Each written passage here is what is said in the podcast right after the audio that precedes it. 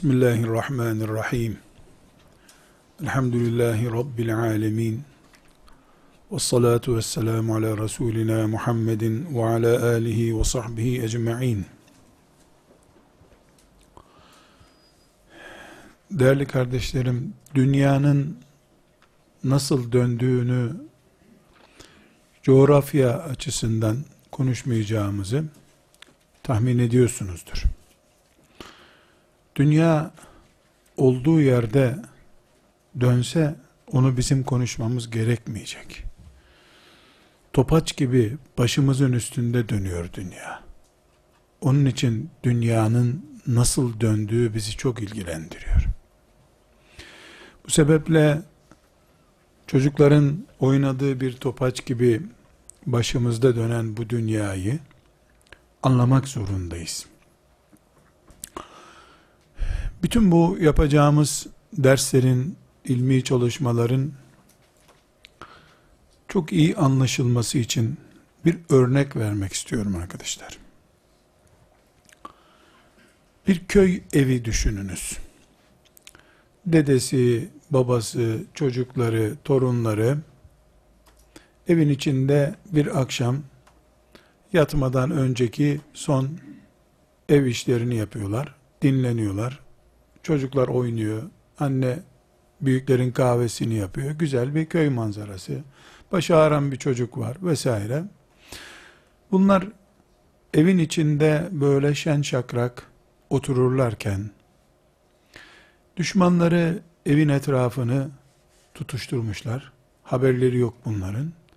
Bir ara bir tanesi dikkat ediyor bizim camın önünde herhalde ateş yanıyor diyor. Camdan bir bakıyor ki ev dört tarafından tutuşturulmuş. Çıkalım diyorlar kapının önü tutuşmuş. Camdan atlayalım diyorlar camın önü tutuşmuş. Dört tarafı tutuşmuş bir evin içinde şen şakrak bir hayat yaşarken bu insanlar, bu aile kaçamayacakları, çıkamayacakları bir evin içinde yanacakları zamanı bekliyorlar. Kardeşlerim, eskilerin deyimiyle la teşbih ve la temsil, İslam topraklarımız neredeyse yüzde yüz buna benziyor. Etrafımızı ateşle çevirdiler. Ve biz evimizde haccımıza gidiyoruz, Büyüklerin bayramlarda ellerini öpüyoruz. Cenazelerde hatimler, törenler yapılıyor. Her şey yerli yerinde iyi gidiyor. Ama hafif camdan bakabilenler, evin dışında bir daha bu evden yanmadan ve kül olmadan çıkmayacağımızı anlayacakları bir ateş çemberi görüyorlar. Rabbimden milyarlarca kere dilerim yanılmış olayım bu benzetmemde. İnşallah yanılmışımdır. Ama ne yazık ki yanıldığımı hissedemiyorum kardeşlerim. Burada derslerimize başlamadan önce, dünyanın nasıl döndüğünü anlamaya çalışmadan önce, kardeşlerim, altı şeyi tespit etmem lazım. Bu ders değil beni dünya nasıl dönüyor diye uzun matrajlı bir ders yapmaya zorlayan, bunu Allahu Teala'nın bana emri olarak hissetmeye mecbur eden beş nokta ve o beşin değerlendirilmesi olan altı noktayı tespit etmek istiyorum kardeşim. Birincisi, bugün ne kadar Müslüman var dünya üzerinde? Net bir rakam bilemiyoruz. Bir milyardan bir buçuk milyara kadar tahminler var. Bunların ne kadarı Müslümandır, ne kadarı da kağıt üzerinde böyle kayıtlıdır, bunu da bilemiyoruz. İslam adına, din adına Allah'ın rızasını kazanmak için gayret etmiş, kurulmuş ne kadar kurum vardır, örgüt vardır. Çalışan, gayret eden, birlikte olmuş insanlar vardır. Bu konuda da net bir bilgi bilemiyoruz. Ama çevremiz camilerle, derneklerle, bu amaçlı kuruluşlarla doludur. Fakat kardeşlerim fertler olarak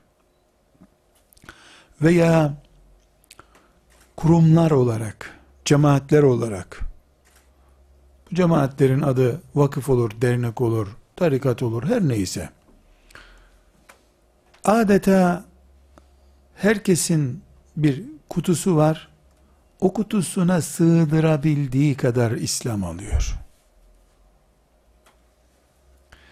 Bir metre küplük bir kutusu olanlar o kadarlık İslam istiyorlar. 10 metre küplük kutusu olanlar herkes kutusu kadar anlıyor. Kimi cami, iş, ev diye bir üçgen çizmiş. Bunu aşamıyor. Kimisi cami, iş, ev, vakıf diye bir dördüncü madde ilave etmiş. Onu aşamıyor. Alemler için gelmiş. Cinlerin bile içinde bulunduğu büyük bir kainatın dininin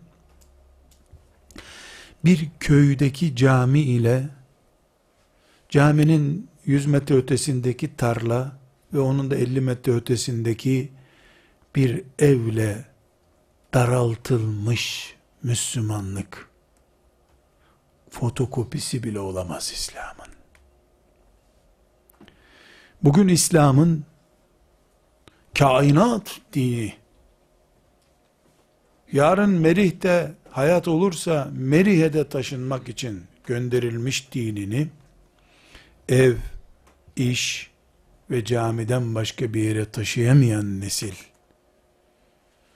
ve dünya çaplı kafa taşımak zorunda olduğuna inananların da bunlarla beraber yaşamak zorunda olduğu bir ortam. Birinci noktamız bu. Delirmemek için ve vurdum duymaz daha verip ne olursa olsun deyip bir kenara çekilmemek için Allah'a sığınmaktan başka çaremizin olmadığı bir ortamdan söz ediyoruz. İki, kardeşlerim, insan unutkandır. Hatta insan kelimesi nisyandan yani unutmaktan gelir denir. Ama bazı şeylerin unutulmuyor olması lazım. Bugün namazlı, niyazlı Anadolu deyimiyle hani iyi insanı anlatmak için namazlı, abdestli filan denir. Namazlı, niyazlı insanların bile çocuklarının şöyle üç ay hiç olmasın İngiltere'de bir kalması için can hiraş gayret ettikleri bir dünyada ümmeti Muhammed'in bugünkü perişan halinin Çanakkale, Basra, Musul, Mekke, Medine, hilafetin ilgası, ümmeti Muhammed'in bin parçaya bölünmesi, Kudüs'ün İsrail'e depo olarak emanet edilmesi gibi, bugün ümmeti Muhammed'i yok duruma getiren, yok denecek duruma getiren, bu büyük afetlerin planlama ve uygulamayıcısı olan İngiltere'nin, sanki böyle bir geçmişi yokmuş gibi ortağımız, eğitim merkezimiz, stratejik işbirlikçimiz olarak kabullenilmesini kabullenemiyorum. Çanakkale'yi nasıl unutur insanlar bunu anlayamıyorum. İngiltere'den alınacak ilmin onca hıyanetine ve insanlık için asırlardır kin kusan, kendisinden başka herkesi sömürgesi olarak gören, bunda da bir sakınca görmeyen, Hindistan'daki valisi 10 santim yukarı çıkması için yani basamak olarak eğil diye bir insanın sırtına basacak kadar insanlığı hizmetçisi gören bir İngiltere'nin insanlığın düşmanı değil ümmeti Muhammed'in insanlığın düşmanı olduğunun unutulmasına anlam veremiyorum. İngiltere ile şüphesiz sadece Britanya'yı kastetmiyorum bu meşhur batı medeniyetinin beşiği olan İngiltere'yi kastediyorum. Ve insanın unutkanlığının simgesi olarak İngiltere ve İngiltere ile bağlantıyı kullanıyorum. Yoksa konum sadece İngiltere değil. Hani diyelim ki bizim ilçemize gelen zalim bir kaymakamı unuttuk. Affettik gittik. Çanakkale hala gözümüzün önündeyken İngiltere'yi nasıl unuturuz? Nasıl İngiltere'ye çocuklarımızı güvenle gönderebiliriz? Hatta kız çocuklarımızı. Çanakkale'de 6 ay kaldılar da bizim medeniyetimiz yerle bir oldu. Osmanlımızı kaybettik de. Benim kızım 6 ay İngiltere'de kalsa neler kaybederim? Bunu niye düşünemiyoruz? Anlayamadığım ikinci madde budur. Bu dünyanın İngiltere'ye rağmen nasıl döndüğünü anlamak için böyle bir ders bloku yapmak gerekir diye düşündüm. Kardeşlerim, üçüncü olarak hissiyatımı perişan eden ve böyle bir ders yoğunluğuna girmeme neden olan üçüncü şey, hangi cüretle ve hangi hakka, hangi saygıya sığınarak insanlar bir köşesinden tutulmuş İslam'ı İslam kabul ediyorlar? Bunu anlayamıyorum.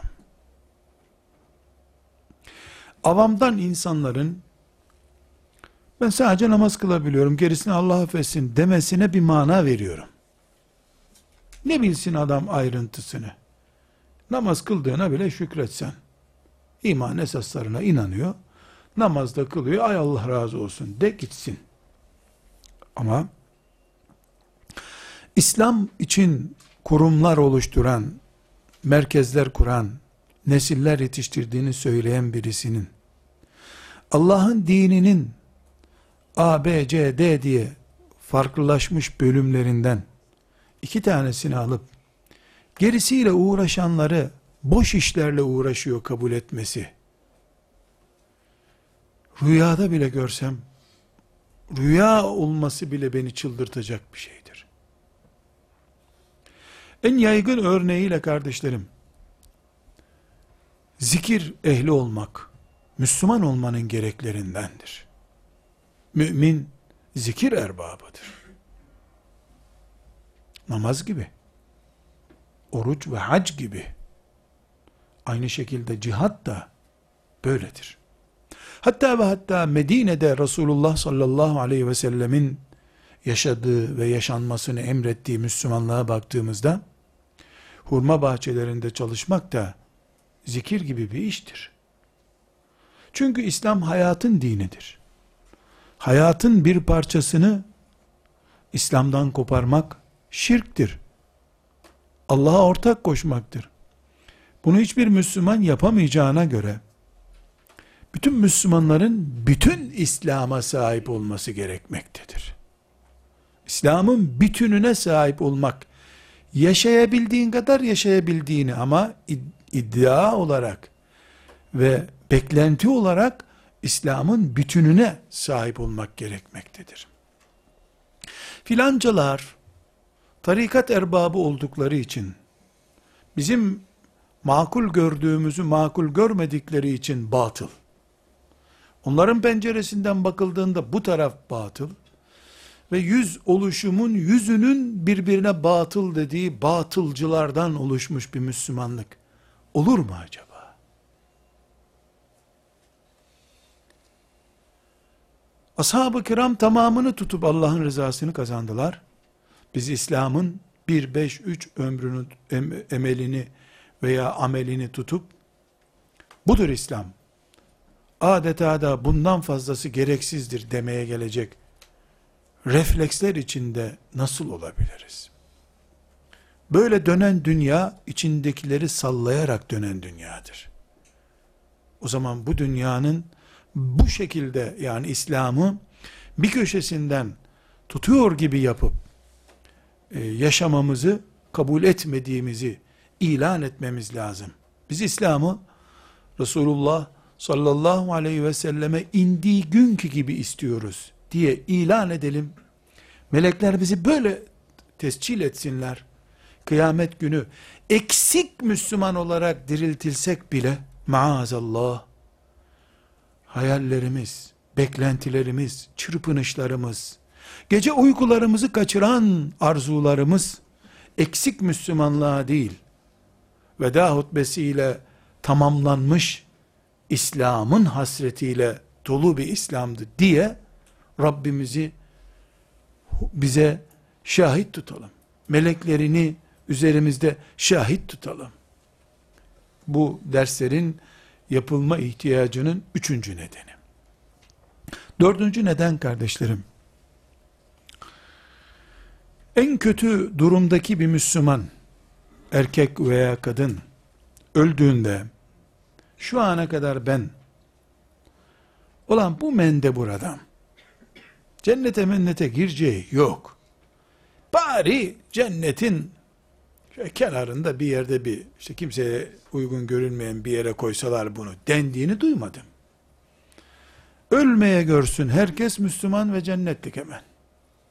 Hele bir ölse, ölmediği için cennete girmiyor. Hem de Firdevs-i Ala'dan adın cennetlerine kadar. Cennet herkesin mübarek. E cennet sebebimiz İslam'dır ama. İslam'a hizmete gelince hocalara. Cennete girmeye gelince hocalardan önce herkese. Bu makul mü? Bunu Müslüman olarak eh olabilir böyle bir şey der mi bir Müslüman? Niye cennet herkesin oluyor da cennetin sebebi olan İslam'a hizmet etmek sadece hocaların, vakıf görevlilerinin ve kendini bu işe feda etmiş bir yığın insanın niye oluyor? Niye hepimiz becerebildiğimiz kadar dinimize hizmet etme açısından onu sahiplenme ihtiyacı hissetmiyoruz? Elbette madem dinime hizmet edeceğim, ben de ezan okuyayım deyip bir mahallede 300 Müslüman varsa 300 ezan okunmayacak bir akşam vaktinde. Elbette ezanı bir kişi okuyacak. Elbette namazımızı bir kişi kıldıracak. Elbette üç kişi bize Kur'an öğretecek. Ama hepimiz her işin neresinden desteklemeye Allah bana bir kabiliyet verdiyse oradan onu desteklemek için mücadele ediyor olmam lazım. En azından o heyecanla olmamı istiyor Allah ve peygamberi. Burada bir hadisi şerifi bu mantıkla iyi tefekkür etmek için hatırlamak istiyorum. Ne buyuruyor Efendimiz sallallahu aleyhi ve sellem? Cihad etmeden veya cihadı tefekkür etmeden yani bir cihat beklentisi ve bir cihat özentisi içerisinde olmadan ölmeyi mümine yakıştıramıyor. Nifak türü bir ölüm gibi ölüm görüyor onu. Böyle bir insan öldüğü zaman. Öbür taraftan da bakıyoruz ki, samimi bir şekilde cihat etme arzusu içerisinde olan mümine de şehit olurum diye bir beklentisi varsa ama Allah da nasip etmediyse yatağında öldüyse Halid bin Velid gibi ona da şehitlik bayesi nasip ediyor. Yatağında ölüyor, şehitlerle diriliyor. Demek ki Rabbimiz bizi olumsuzdan kaçarken veya olumluya, faaliyete giderken bir özenti içerisinde görmek istiyor. İslam'a hizmeti, İslam'a hizmet maksadıyla tesis edilmiş kuruluşları niye üç kişiye beş kişiye havale edip de kendimiz sadece bunun propagandası veya bunun reklamı üzerinden yaşamayı uygun buluyoruz? Bu beni ayağa kaldıran, uykularımda rahatsız eden dördüncü hissiyatım. Kardeşlerim, bu dördüncünün bir uzantısı gibi olacak beşinci maddem var. İnsanlar yeryüzünde müminler, kafirler ve münafıklar diye üç gruba ayrılır. Allah'ın kulları olması açısından. Müminler Allah'ın dini için yaşayacaklarına iman etmiş insanlardırlar. Kafirler de Allah'a iman etmedikleri için düşman cephesinde kalmışlardır. Düşmanlıklarının gereğini yapacaklardır. Münafıklar da ekonomik ve sosyal çıkarları nerede olmalarını gerekiyorsa orada olacaklardır. Bunda bilmediğimiz bir şey yok. Tereddüt edilecek bir şey de yok. Ancak kardeşlerim, müminleri de bu asırda, akide kitaplarımızda bulunmayan bir ayrım bu. Ama ben bu asırda gördüğümüz manzaralar karşısında bu asrın müminlerini de ne yazık ki ikiye ayırmak istiyorum. Yeryüzündeki nesli üçe ayırdık. İnsan neslini müminler, kafirler ve münafıklar diye. Müminlerin de kendi içlerinde imanlarına hizmet edenler ve imanlarından hizmet bekleyenler diye ikiye ayrılması gerekiyor artık. Samimi müminler ve kelepurcu müminler diye bunu ikiye ayırıyoruz biz. Hangimiz bu tasnifin neresindeyiz bunu bilemeyeceğim. Başta da itiraf ettim bir akide kitaplığından alıntı değildir bu. Yaşandığımız bu vurdum duymaz ortamın beynime kazıdığı hissiyattır bu. İmanına hizmeti imanının gereği olarak algılayanlar ve mümin olduğu için melekleri kapısında bekleteceğini zannedenler. Mümin formu doldurduğu için kayıt esnasında mümin tarafındayım diye form doldurduğu için mecburen meleklerin onu cenneti sokacağını ama ölmesini dört gözle beklediklerini vehmedenler. İnsanların bu iki grupa yani mümin insanların bu iki gruptan birine ayrılması gerekiyor zannediyorum. Ben Rabbimin melekleri beni imanına hizmet etmek değil, imanından kendisine hizmet bekleyen kelepurcu bir mümin olarak görmemelerini istiyorum. Bunun için kendi nefsime, mümin kardeşlerime, sözümün dinleneceği her yere bir ses göndereyim. Bu ses insanlar arasında bir dönüşüm nedeni olsun. Artık topluca hepimiz imanımıza hizmet edelim. İmanımızdan nasıl hizmet bekleriz biz? Faturasını ödemediğimiz, uğruna canlar vermediğimiz, uğruna mallar feda edemediğimiz, vaktimizden, zevkimizden, evlatlarımızdan, eşlerimizden ferahat etmeye razı olmadığımız, imanımızın sadece form doldurduğumuz için müminlerden olmayı lütfedip kabul ediyorum der gibi bir form doldurduğumuzu zannederek o formun sonucu Havz-ı Kevser'de peygamberle buluşmayı nasıl hayal ederiz? Bu hayalimizle vatanlarından hicret eden, analarından babalarından ayrılan, Bedir'de babalarına dayılarına kılıç kaldıran, aç kalmaya razı olan, üzerlerindeki gömleklerini bile Allah için vermeye razı olan,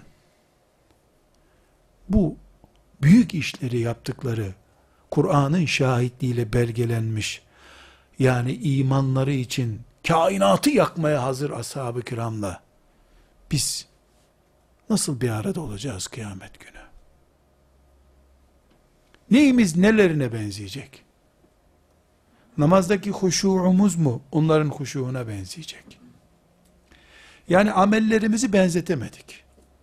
Bari emellerimizi niye benzetmeyelim? Amelimizin benzemesi zor diyelim. Uhud'a gidemiyoruz. Uhud emeliyle niye yaşamayalım ki? Fedakarlığımızı beceremedik diyelim. Onlar nesillerini feda ettiler Allah'a ve peygamberine. Edemeyince oturup ağladılar. Çocuklar gibi ağladılar şehit olmak bana nasip olmadı diye. Çocuk gibi ağlar mı insan ölemedim diye. E bari onların sevgisi, onlar gibi olma arzusu ve emelimiz bulunsa da, yer yer küçük çapta da olsa, Allah için böyle şeyler yapıp, yapmayı arzu ettiğimizi meleklere ispat edip, Müslümanlık hayatımıza devam etsek diye düşünüyorum. Ne yazık ki kardeşlerim, görüyorum ki ağır ağır laflar ettikleri halde, ettiğimiz halde, kendimizi bunun dışında görmemiz ayıp olur, yakışmaz. Hakikat böyle. Büyük laflar ettiğimiz halde, küçük işler yapmakta bile zorlanıyoruz. Bu da imanına hizmet edenlerle imanından hizmet bekleyenler tasnifine mecbur ediyor bizi. Şüphesiz ve şüphesiz yeryüzü Allah deyince bütün tüyleri diken diken olanlardan arınmış değildir henüz. Öyle olsa dünya çökerdi zaten. Var Allah'ın kulları. Var ki hala rahmet iniyor. Ama beklentimiz ya da buradaki sıkıntımız neden biz de öyle olmayalım? İmanımız için her şeyi ödemeye, her fedakarlığı yapmaya hazır olarak imanı için yaşayan müminler olmayalım. Ne engelimiz var? Niye imanı bizim için yaşatıyor olalım? Bu ne? Kötü görüntülü, ne çıkmaz sokak yürüyüşü bir yürüyüştür. Beşinci maddede bu. Kardeşlerim, söze başlarken teşbih yapmak bakımından dedim ki, bir köy evinde mutlu oturan insanlar, camdan bir bakıyorlar ki, evin dört tarafı düşmanlar tarafından tutuşturulmuş, atlasan yanacaksın, atlamasan içeride yanacaksın, bağırıyorsun, herkes uyuyor, kimse duymuyor, duyan da kulak asmıyor, çocuklar ağlıyor, babaların eteğine yapışmışlar, baba ben ne yapayım, kendi canımı kurtaramıyorum diyor, böyle bir sahneyi tiyatroda oynandığını düşününüz, ümmeti Muhammed'in Mekke Medine'sine varıncaya kadar bütün topraklarındaki Müslümanların maalesef yaşadığı acı manzaradır bu dedik. Ve bu manzaraya rağmen beş şey tespit ettik. Olayların listesini saymama gerek yok. Bir gün sadece dünya ajanslarından geçen haberlerin içinde mutluluk veren haberlerin kafirlere aitlik oranına bakın, üzücü haberlerin kazasından, cinayetinden, yangınına kadar müminlere ait olanına bakın.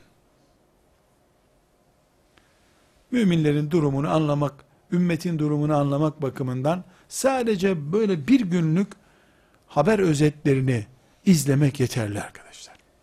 Şimdi altıncı maddemize geldik. Altıncı maddemizde bu dünyanın nasıl döndüğünü başımızın üstüne konmuş dünya da topaç döndürülür gibi başımızın üstünde döndürülüyor ümmet olarak. Bu manzaranın, bu dünyanın dönüşünün, bu yörüngesinin de bizim beynimizin üstü oluşunun bu zamanda karşımıza çıkan sonucunu değerlendirmek istiyorum kardeşlerim. Mümin dünyanın bir akıl depremi geçirmekte olduğunu görüyoruz. Akıllar deprem geçiriyor. Evet, hala iman, meleklere iman, ahirete iman hala yerinde duruyor. Ama bir deprem geçiriliyor. Nasıl depremde insanlar elindeki çantayı atıyorlar, e, demire tutunuyor, suya atlıyor, üçüncü kattan atlıyor. Akıllar deprem geçiriyor. Bu geçirilen depremde kardeşlerim iki büyük sonuç ortaya çıktı. Birincisi Allah'a itimadımız sarsıldı. Hiç lamıcımı yok bu işin. Bir milyon kere bile kelime-i tevhid getirmiş adam, günde üç bin defa şu kadar kelime-i tevhid getirmiş adam bile imanı ile ilgili endişe taşımaktadır. Mevcut kaos ortamını oluşturan şeytan güçleri de zaten Aradıkları şey buydu. Derdine katlanılmaz bir İslam dedirtmek istediler.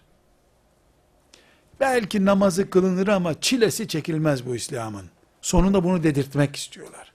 Geldiğimiz noktada başta Allah'a iman esasları ve Kur'an'ımızın bizden istediği şeyler olmak üzere ciddi bir şekilde ümmeti Muhammed akıl depremi geçirmektedir.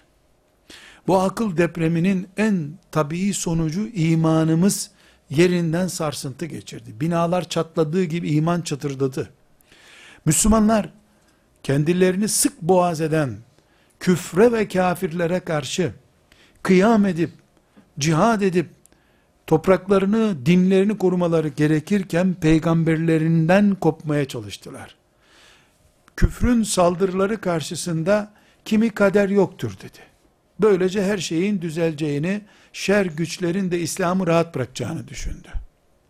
Kimi Resulullah sallallahu aleyhi ve sellemi yok durumuna getirecek şekilde bırakın hadisleri dedi. Ne Buharisi ne Müslim'i be dedi. Ümmeti 1400 sene izzetiyle bugünlere taşıyan en temel dinamikleri yok sayma iddiasında bulundu. Bunu yaparken de aslında ümmeti Muhammed'i dışladığı için değil ama deprem esnasında aklı yerinden oynadığı için ümmetin en düşünen mütefekkirleri etmeyin arkadaşlar, endişelenmeyin, kaosa gerek yok, heyecanlanmayın, herkes yerinde otursun, bizim binamız sağlamdır diyeceği halde önder kadro, alın alın çocuklarınızı alın tekkeye kaçın, alın alın bizim vakfa gelin, şuna gerek yok, buna gerek yok deyip, sahiplenmesi gereken şeylerden kurtulmaya çalıştı insanlar. Bu, yukarıda saydığımız sonuçların en ağır sonucu oldu. İman açısından ciddi bir beyin sarsıntısı, depremi geçiriyor ümmeti Muhammed. 1400 senedir en ağır şartlarda Çanakkale'de Moğol istilası altında bile ümmeti Muhammed'in değil taviz vermeyi, ulu orta bir caminin bahçesinde konuşmayı bile kabul etmedikleri, asla diline dolamadıkları şeyleri, konuşanı zındık diye Bağdat'ta e, kendilerinden dışladıkları konuları, Müslümanlar Allah rızası için konuşur oldular. Kardeşlerim, sadece bir örnek bakımından söylüyorum. Örnek yoksa, e, yani bu çözüm değil şüphesiz. Kabir azabı yoktur niye der Müslüman? onlarca hadisi inkar ederek. Kur'an'da kabir azabı diye bir ayet yoktur diyor. Evet Kur'an'da ey Türkiye'de yaşayan batı kültüründen etkilenmiş Müslümanlar siz de bilin kabirde azap vardır şeklinde bir ayet yok. Ne Bakara suresinde ne Fatiha suresinde. Ama kabir azabı diye ayetler var. E bizim ismimize gelmedi bu ayet der gibi Kur'an'da yok böyle bir direkt ayet diyor. Müslüman şöyle niye düşünmüyor? Diyelim ki diyelim ki kabir azabı yok. E yoksa yok zaten biz bir suç işlememiştik. Varsa kabir azabı ve sen bunu inkar ediyorsan ne yapacaksın? Nekir münker herkese iki tekme vururken sen beni de tanımıyordun zaten deyip sana dört tekme vurursan ne yapacaksın kıyamet günü? Ne yapacaksın kabirde? ümmeti Muhammed kabir azabını inkar etse ne geçer eline? Bütün ümmet, milyarlık ümmet oy birliğiyle, icma ile karar ettik, kabir azabı yok. Kabul ettik. Kaldırdık oy birliğiyle. Yarın topraklarımızı işgal eden şeytan güçleri çekip gidecekler mi? Alkol kalkacak mı? Yoksa daha fazla mı yayılacak? Mezarın ürkütmediği müminleri, daha ciddi namaz kılarken mi göreceğiz?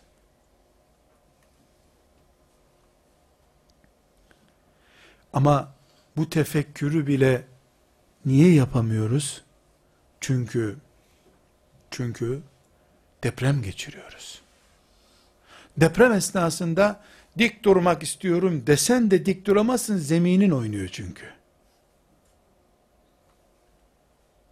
Bu sebeple Peygamber aleyhisselam efendimizin ileride konuşacağımız hadislerinden birini şefaatine nail olmak umuduyla burada zikrediyorum.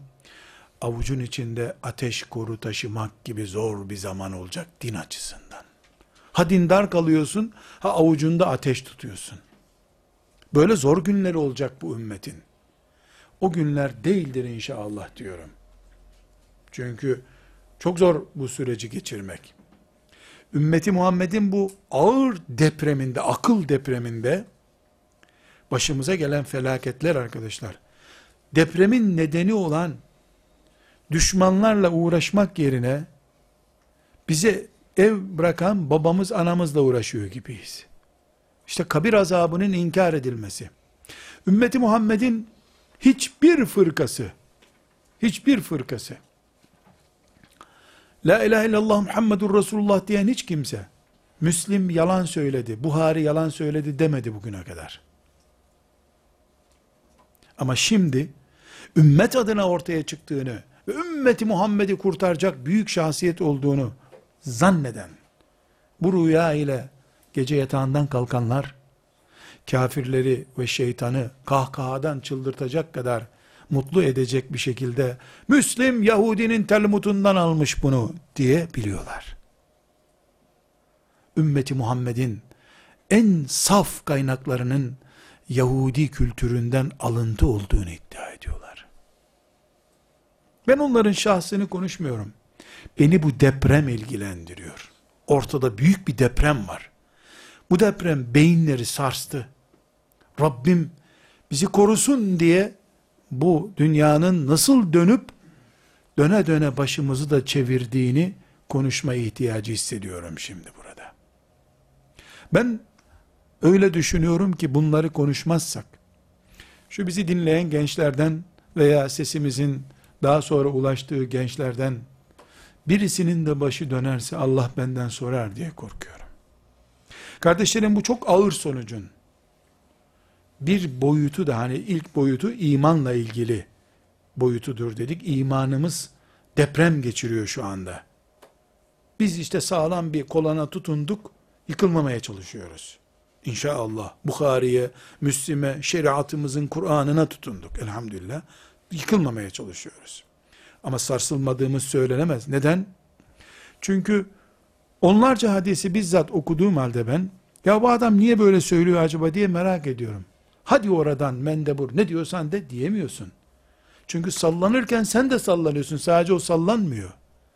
Geminin üzerinde olduğumuz için dalgalar gemiye vurdukça onun üstündeki her yolcu bundan etkileniyor. Güvertede olan daha çok etkileniyor. Bir koltuğunda oturan biraz daha az etkileniyor gibi oluyor. İkinci bir bölüm de arkadaşlar asıl bu derslerin çok önemli bir bölümü. Yaklaşık bir 20 ders inşallah düzeltmeye çalışacağımız konu ümmeti Muhammed'in İslam'ının geleceğinden itimat sorunu var. Ümmeti Muhammed yeniden bir İslam halifesi başında devleti kaim, ezanları gür, şeriatıyla hükmeden yeni bir İslam hayatı olabileceğine itimadını kaybetmek üzeredir. Bu elbette imandan kaynaklanıyor. İman deprem geçirince imanımızdan dolayı her şey Allah'ındır, mülk Allah'ındır, kafirlerin ipini uzatan Allah'tır diyen iman kaidelerimiz de sarsılınca olmaz artık. Bitti bu iş gibi ancak cahillin söyleyeceği bir kanaate ulaşılmıştır. Sadece ileride konu olarak gelecek inşallah. Ee, sadece bir benzeme ve bugünle kıyas etme bakımından söylüyorum. Bugün yaşadığımız İslam topraklarının şurası şurası şurası diye işte bir haber bültenini 10 defa dolduracak kadar vahim yaşadığımız facialar arkadaşlar bir günün öğle ile ikindisi arasına sıkışmıştı Uhud'da kainatın en değerli, en şerefli, en ulvi insanı olan Resulullah sallallahu aleyhi ve sellemin mübarek vücudunun yara aldığı, hatta bir ara öldürüldü dendiği büyük Uhud faciamız. O facia 3 saat kadar sürdü. Bütün o meşhur bildiğimiz Uhud bir 6 saatlik savaştır zaten. 3 saati müminlerin galibiyetiyle 3 saati de kafirlerin saldırısıyla geçti. İkindi vakti bitti savaş zaten. Bu 6 saatlik 3 aşağı 5 yukarı 6 saatlik zaman diliminin o son 3 saati bu yaşadığımız zamanın makro şeklidir. Böyle daraltılmış zaman ve mekan olarak daraltılmış daraltılmış bir durumdur. Çünkü kaç bin Müslüman Hamza bin Ebi Talip yapar? Hamza'yı ölç kaçımız Hamza ederiz? Kaçımız Musab ederiz? Şu dünyada hizmetimiz, sadakatimiz, Resulullah'ın üzerindeki şahitliği, minel mu'minine ricalun diyen ayete bakılarak kim musab eder? Hangi facia musabun şehadeti parça parça kollar kopmuş, ayaklar kopmuş, perişan, göğsü yarılmış Hamza öbür tarafta, öbür sahabi orada 70 Allah dostunun yere düştüğü daraltılmış sahneyi genişletin 100 Suriye eder Uhud arkadaşlar. Çünkü başında Peygamber aleyhisselamın kendisi var. Adı filan değil sadece kendisi var. O sahne bazı sahabileri şu şekilde bir kanaate düşürmüş. Yahu peygamber de öldürüldüyse bu iş bitti. Bitti bitti bu iş bitti. Yani henüz daha üçüncü senesinde İslam'ın devletinin kurulduğu, peygamber öldürüldü, bitti bu iş. İslam gitti düşündüler. Rabbimiz kitabında bu düşünceyi peygamber öldürüldü diye onlar öldürüldüğünü zannettiler. Öldürüldü diye böyle düşünür olmayı yazunnune billahi gayrel hakkı zannel cahiliyeti diye adlandırdı Kur'an-ı Kerim'de. Peygamber öldürüldü. Hamza'nın cesedi yerde. Sancaktar Musab şehit. En cengaver sahabiler meydanda şehit kanları yere düşmüş. E ne kaldı İslam'dan? Herkes Medine'ye o zaman hiç olmasın hurmalıklarımıza bakarız diye ortaya atılmış. Böyle sloganlaştırmadılar bunu. Kafalarından böyle şeytan evham geçirdi. Allah bunu yazunnune billahi gayrel hak Allah'a uygun olmayacak, yakışmayacak bir düşünceyi sahiplendiler. Zannel cahiliye. Cahiliye kafasıyla. Kardeşler dünyanın en değerli insanları o gün onlardılar ashab-ı kiram. 70'i şehit oldu. 630'u da yaralı bereli gaziydiler zaten. 700 kişiydiler toplu. İslam o kadardı zaten erkekleriyle. Onların peygamber öldürüldükten sonra ne kaldı geriye? Düşünmesini Allah cahiliyeye dönüş olarak kabul etti. Onun için İbn Mes'ud radıyallahu anh diyor ki, Uhud gününe kadar biz kendimizi tam Müslüman kabul ederdik. Sonra Allah Uhud günü kalplerimizi elimize koydu. Yani aynayı önümüze koydu adeta. Baktık ki biz daha yolun başındaymışız. Çünkü ayet cahiliye mantığıyla düşünenler var sizde diyor. Neden? Velev peygamber öldürülse, Hamza öldürülse bile din Allah'ın değil mi? Peygamber mi yapacaktı bu işleri? Mus'ab mı, Hamza mı kainata hidayet edecekti? Allah'ın dini, hidayet Allah'ın işi. Böyle düşünmesi gerekirken müminler, facianın ağırlığı nedeniyle şüphesiz. Facia çok ağır arkadaşlar. Dedik ya bugünkü büyük yangını makro bir şekilde Uhud diyebiliriz. Uhud'u genişletsem bugünkü dünya bile hafif geliyor Uhud'a. Peygamberin kanı düşmüş arkadaşlar. Yani kainatta var mı daha facia bir şey? Peygamberin yüzü yaralanmış. Miğferine ok isabet etmiş peygamberin. Sen ne, nereden bahsediyorsun? Orada Efendimiz sallallahu aleyhi ve sellemin kanı yere düşmesin diye Cebrail aleyhisselam yeryüzüne en hızlı indiği şekillerden biriyle indi. Çünkü peygamberin bir damlası aleyhisselam yere damlasaydı Allah'ın gözünde dünyanın hiçbir değeri yoktu artık. Böyle bir sahneden konuşuyoruz. Bu hadis sahih midir değil midir? Merak eden onu araştırsın. Bizim için sahih ama. Vaka böyle çünkü velev ki hadis olmasın. Peygamberin kanı yere düşme tehlikesi vardı. E, o gün bile gelmez İslam'ın geleceği yok düşünmeyi Allah cahiliye kafası olarak Kur'an'da yorumluyor. Hiç böyle tereddütlü bir şekilde değil. Kur'an açık ortada. Bu ayetler tek tek karşımıza çıkacak inşallah önümüzdeki derslerde. Müslüman bugünkü büyük depreme bakıp İslam'ın geleceğinden endişe ediyorsa biz camileri sadece cesetler olarak dolduruyoruz demektir. Cami o zaman Müslüman morgu durumundadır. Dirilere ait bir morgtur cami o zaman. Eğer ezanlar okunduğu halde Allahu Ekber diye imam mihrapta müminleri arkasında saf bağlamayı emrettiği halde camiye gitmiş insanlar Allah'ın şeriatının geleceği bakımından endişe taşıyorlarsa cami değil morgtur oralar. İnsan morgu, diri morgu. Yer yer işte buzlar çözülmesin diye günde beş defa oraya giriliyor. Buzlar tazelensin diye. Cami o zaman o fonksiyonu icra ediyor. Maazallah. Allah muhafaza buyursun. Elbette camimizi tahkir için demiyorum. Ama Allah'ın dininin geleceğini yok kabul edenler, küfrün, şerrin ve şeytanın, silahının, medyasının, şusunun busunun yaygınlığına bakıp, ümmeti Muhammed'in geleceği yok zannedenler, camileri diri morgu olarak kullanmaktan başka bir iş yapmıyorlardır. Onlar Kur'an okuttukları zaman çocuklarına geleneksel bir kitap okutuyorlardır. Allah'ın vahiy ile indirdiği Kur'an okutmuyorlardır. İşte arkadaşlarım altıncı sonucumuz bu büyük akıl depremi sonuç olarak Müslümanların Allah'a itimadını sarstı. Kur'an-ı Azimuşşan'ı okunan, ölülere faydası olan bir kitaba dönüştürttü. Gavura kızıp Müslümandan intikam alan, papaza kızıp oruç bozan modeller oluşturttu.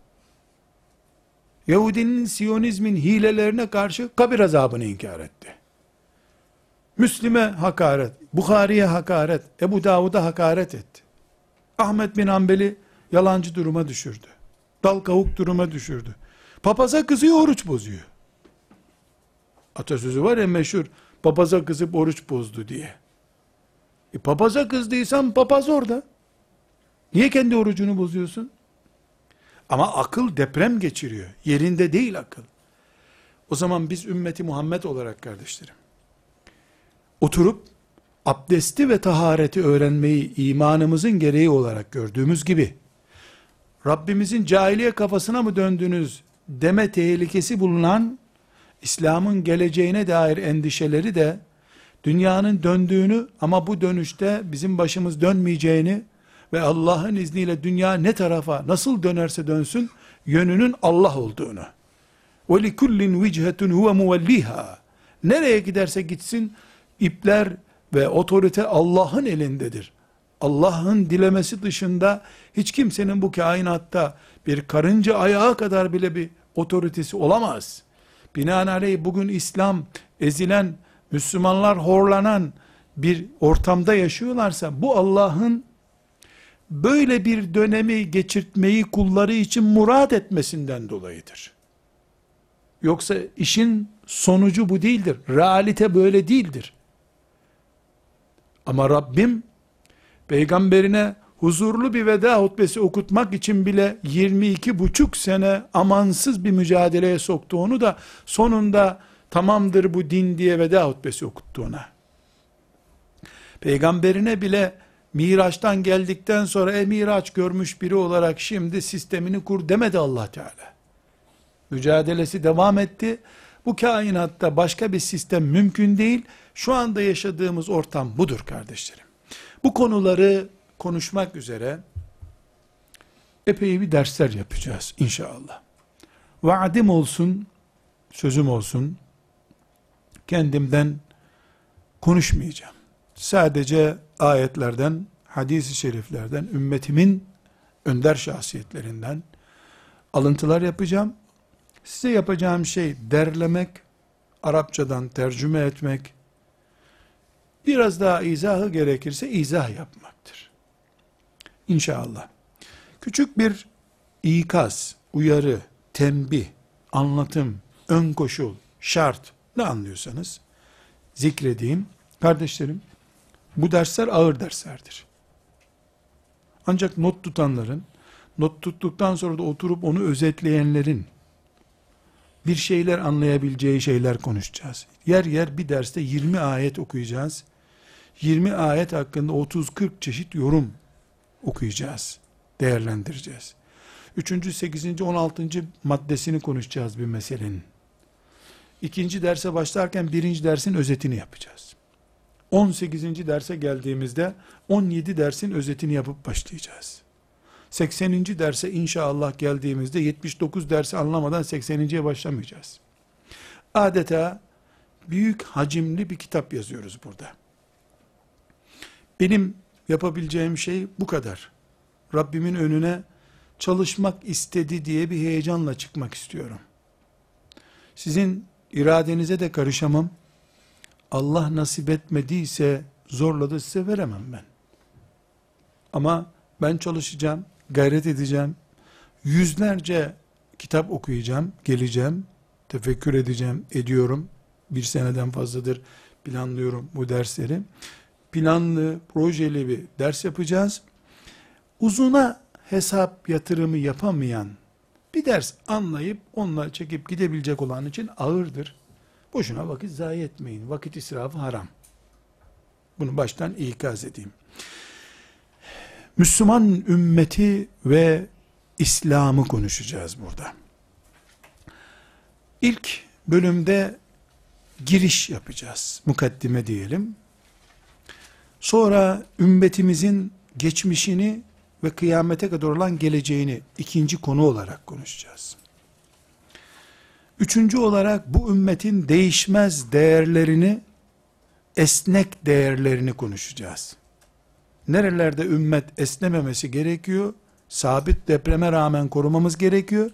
Nereleri de Selahaddin Eyyubi'nin çağına göre, Sultan Fatih'in çağına göre farklıydı, bize göre böyle olabilir diyeceğiz. Değişebilir, değişemez değerler olarak değerleri konuşacağız. Bu ümmetin içinde sapma ve kayma neden oluyor? Hangi noktalarda kaymalar oluyor? Bu kaymalara karşı kendimiz için, nesiller için, ümmetin geleceği için ne tür tedbirler almamız lazım? Bir bu başlığı açacağız. Bu ümmetin ashab-ı kiramdan bugüne kadar gelen gruplaşmalarında hangi gruplar oldu? Bu gruplar neler verdi? Nelere hangi sonuçlara sebep oldular? Gruplaşmaya karşı neler yapılabilir? Bunu konuşacağız. Ve Peygamber aleyhisselam efendimizin şiddetle bizi ikaz ettiği fitnelerden söz edeceğiz. Bu saydığım başlıkların her biri için 30, 40, 50 ders olacak yeri geldiğinde. Mukaddimemiz 45 ders olacak yaklaşık olarak. Mukaddime bölümümüz. Burada arkadaşlar ümmeti Muhammed'i kendime şahit tutmak istiyorum. Dönen bu dünyayı elimle, kalemimle, dilimle durdurmaya niyetliyim. Müminlerin başının üzerinde dönmesini istemiyorum bu dünyanın. Asıl mihverinde dönmeli dünya diye iddiam var. Yapabilirim miyim, yapamaz mıyım beni ilgilendirmiyor. Bu kafirlerin başının üstünde dönecek bu dünya. Allah böyle murad etmiştir. Şimdi kafirler alıp kendi kafalarında fırın harareti oluşturmuş bu dünyayı bizim başımıza getirdiler. Bilhassa 2. Dünya Savaşı'nda bu dünya onların başında dönüyordu. Aldılar bizim başımıza koydular. Çok büyük hayır yapıyormuş gibi de bazıları başında dönmesinden hoşlanıyorlar dünyanın belki de. Bunu durdurmaya niyetliyiz. Yerine, dünya döneceği yere gitsin. Ve fitneleri bu açıdan ele alacağız. Bir başka başlığımız inşallah aşırılık mefhumunu ele alacağız. Bir 10 derste dinde aşırılık ne manaya geliyor? Nelerde aşırılık var, nelerde yok? Ebu Zer radıyallahu anh aşırı mıydı? Muaviye radıyallahu anh aşırılı olmayıp eksi manada aşırı mıydı? Bunu konuşacağız. Ve bu ümmetin yarınının planlamasını ve bu planlamanın zorunlu gereği olan cihadı konuşacağız. Bir başlık olarak 10 başlıkta baş, birinci başlık mukaddimemiz olacak dedik. Mukaddimette arkadaşlar İslam'ı ve Müslümanları mevcut durumu ve mevcut dindarlık anlayışını irdeleyeceğiz. Üçüncü olarak Müslüman toplum ve ümmeti Muhammed neler gerektiriyor? Ümmeti Muhammed kime deniyor? Bunu konuşacağız. Dördüncü olarak rayından çıkma belirtileri gösteren, e, kayma gösteren din, dinde tecdit nasıl yapılır? Hangi şeylerde tecdit yapılır? Müceddit kimdir? Bunu konuşacağız. Dünyanın hakikati nedir? Dünya bize hangi tuzakları kuruyor? Allah dünyayı bizim için nasıl bir zemin olarak yarattı? Bunu in, inceleyeceğiz. Ümmetin tarihini konuşacağız. Tarih özeti yapacağız. Ve yedinci madde olarak mukaddimede Sünenullah dediğimiz Allah'ın değişmez kanunlarından konuşacağız. Toplum kanunları, kainat kanunlarından konuşacağız. Ee, inşallah bir sonraki dersimizde mukaddimeden başlayacağız. Zannediyorum mukaddime asgari 20 ders olacak.